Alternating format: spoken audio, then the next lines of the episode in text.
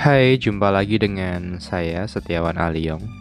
Um, kali ini saya mau sedikit ngebahas tentang pernah nggak sih kita itu merasa bahwa diri kita sangat spesial, sangat unik dan berbeda dengan yang lain. Kita melihat preferensi kita itu bagus, bahkan dicenderung meremehkan orang lain misalkan kita punya suka dengan salah satu tim sepak bola deh kalau contoh saya. Kita melihat orang lain nggak tahu nih nggak suka nih dengan tim sepak bola ini. Ya kita menganggap orang-orang itu kolot katrok dan sebagainya. Dia nggak tahu nih hype-nya lagi ini dan sebagainya. Jadi orang-orang ini itu merasa dirinya berbeda spesial dengan yang lain.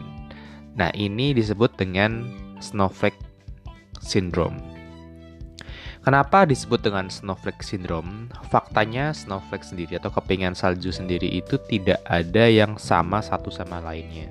Jadi strukturnya pun berbeda-beda, tidak ada yang sama persis.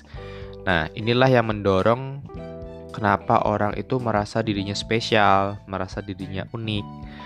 Dan sebenarnya nggak ada yang salah sih, karena setiap orang itu memang spesial dan unik karena justru karena itulah karena setiap orang itu berbeda dengan yang lain jadi hmm, tidak spesial lagi ya karena memang semua orang berbeda.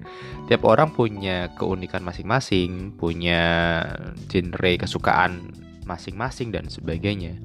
Nah itulah yang ngebuat kadang-kadang kita lupa bahwa sebenarnya kita tidak perlu meremehkan orang lain tidak perlu membuat seakan-akan kita yang benar, kita yang unik, kita yang spesial dan yang lain nggak ngerti kita, katro, ketinggalan zaman.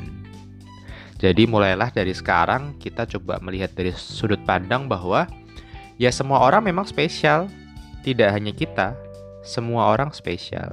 Mungkin dengan pendapat seperti itu kita akan menjadi lebih terbuka, lebih bisa menerima perbedaan dari orang lain. Oke, mungkin itu aja dan thank you.